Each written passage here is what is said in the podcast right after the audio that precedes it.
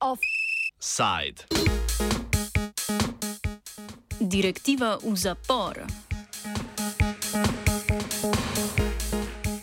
Nekdanjo dansko ministrico za tujce Inger Stujber je posebno sodišče za ustavne obtožbe, ki je bilo v parlamentarni zgodovini skandinavske države sklicano samo šestkrat, obsodilo na 60 dni zapora, ker je leta 2016 sprejela nezakonito direktivo o ločevanju vseh migranskih zakonskih parov, pri katerih vsaj eden izmed partnerjev še ni dopolnil 18 let. Obsojena ministrica se je za to potezo odločila, ker naj bi s tem zaščitila že poročene mladoletne osebe, ki so prosilke za azil. Sporna direktiva je bila v veljavi le nekaj mesecev, v tem času pa je bilo ločenih 23 parov. Posledice direktive oriše Mads Henrik Hojgard, koordinator nevladne organizacije Are You Serious?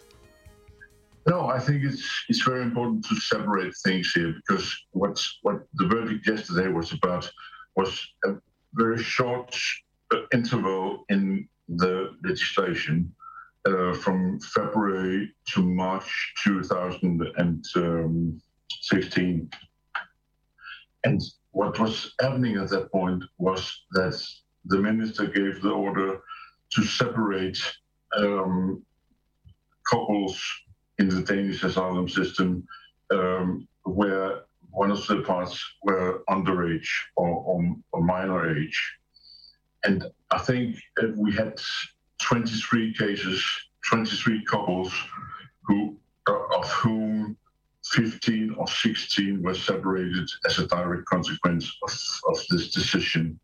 But it was corrected again in March uh, the same year. So basically, what we're talking about in, in the specific case is legislation or an order that was in effect for one or two months, really. And and the whole case is about these couples being separated and and without any individual assessment. Um, and according to human rights law, you are entitled to have an individual assessment in, in cases like this. And this is really what the case was about that from the minister's order, this individual assessment was cancelled, and um, the order went out that all of these couples should be separated um, in in the Danish asylum system. This is really what the case is about. Ministrica je z direktivo o ločevanju vzpostavila pravni red, po katerem se poročeni pari obravnavajo kolektivno. Tako je namerno ignorirala zakonsko odredbo, po kateri morajo biti prosilci za azil obravnavani individualno. Yeah, and you can you can say if you want to be very specific legally, you can say that the, the verdict as such is not about the minister lying. It's about the minister insisting on these rules about an individual assessment of the cases um, that this was to be skipped this is the core of the case, and, and this is the reason that there was a verdict, yesterday. It's not so much about lying to the parliament. Um, this has been kind of, taken out of the case. So the case is specifically about insisting on breaking these rules uh, of individual assessment. And of course, there's, there's an element also of uh, in, in the Human Rights Convention, you have a right to family life. And, and this is an element too that this has been this has been broken without doing an individual assessment, and this is really the core of the case. Za Dansko je ustavna obtožba bivše ministrice potrditev, da je sodstvo ločeno od vlade in da v primeru nezakonitega dejanja ministra tega tudi doleti primerna kazen, doda Hojgard. No, I think that uh, from from a Danish perspective and also from an activist perspective, um, we should all be happy with the, the um, verdict from yesterday. Um, and, and I think it's very important to state that this is really, most of all, a legal matter. Um, the verdict that was out yesterday is a confirmation that we had a minister breaking the law. And of course, everyone can have their own opinion um, of, of what's beneath. But it's very important, in, in my view, to stick to that this is a legal decision and that it really shows that, that the legal system has done what it's supposed to do.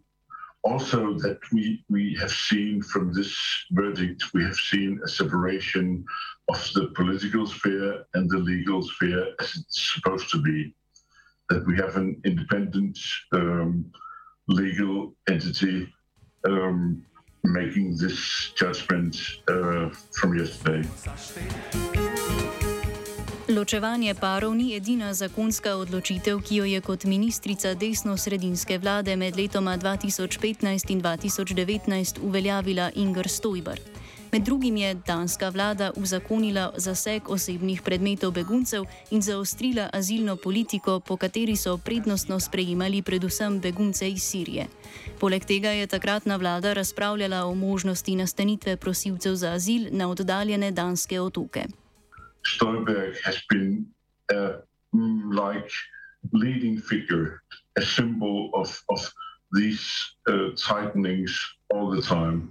Um, you have uh, one example is, uh, and this is a well-known example also outside Denmark, is that uh, refugees coming to the border in Denmark seeking asylum um, at some point were supposed to have their jewelry taken as a payment for for the stay in Denmark.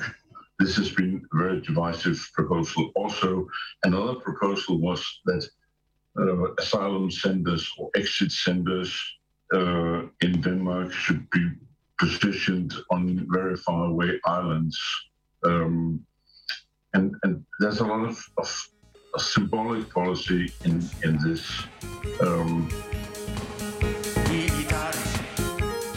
Nova manjšinska vlada pod vodstvom socialnih demokratov, ki je na oblast prišla leta 2019, je prevzela migransko politiko bivše desno-sredinske vlade.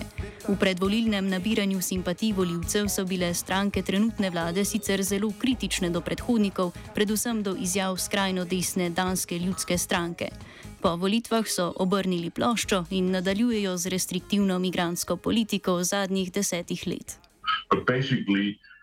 You can say that the new government in Denmark from 2019 um, is a minority government uh, of the Social Democratic Party in Denmark.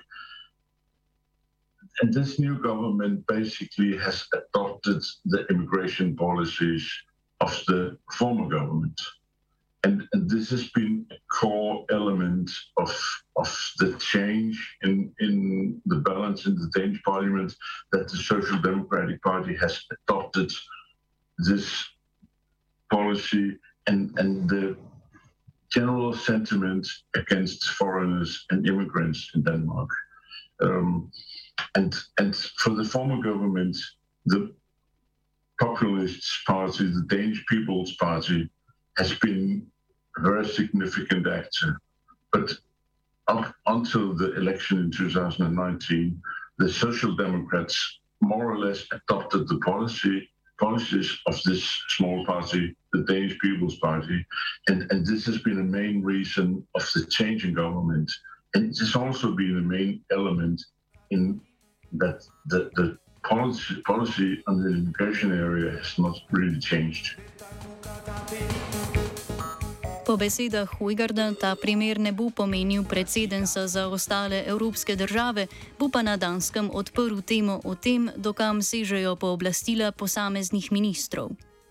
No, I think that it's important to be careful about the, the, the wider consequences in, in Europe. I think what's what's more important and what will definitely raise a discussion in Denmark is the relationship between the minister and the political part of legis- legislation, and on the other hand, the civil servants and the role of the civil servants. Because a, a, a main point in this has been the advice that the minister has received from from the department and from the civil servants. And this is a discussion that will definitely go on in Denmark, apart from, from the divisive emotional parts. There will be a discussion about the role of the civil servants and, and how far can a minister go and, and where are the civil servants and um, the department um, obligated to place a warning to the minister.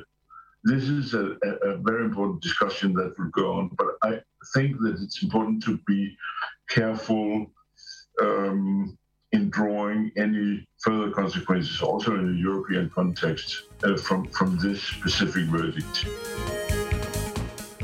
Danes danski parlament odloča o tem, ali bo bivša ministrica še del danskega parlamenta v tem mandatu.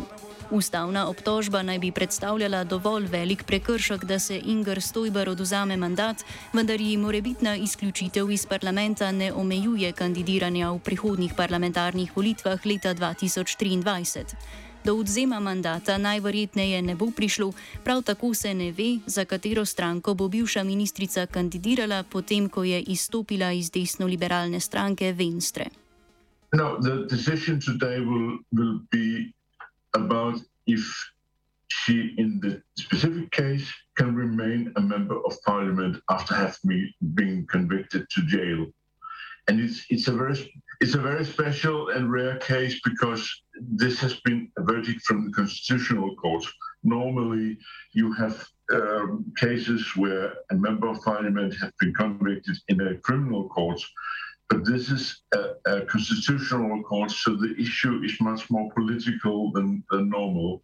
But there's a there's a, a definitely a likely scenario that she will be asked to leave the parliament after the verdict today.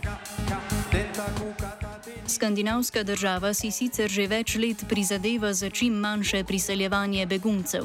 Protimigransko politiko so že posvojili socialni demokrati, grdi raček liberalcev Inger Stojber pa vse jasneje kaže poteze belega labuda skrajne desnice. Off je od Sajda ločil vajenec Žan, direktivo je določil Virant.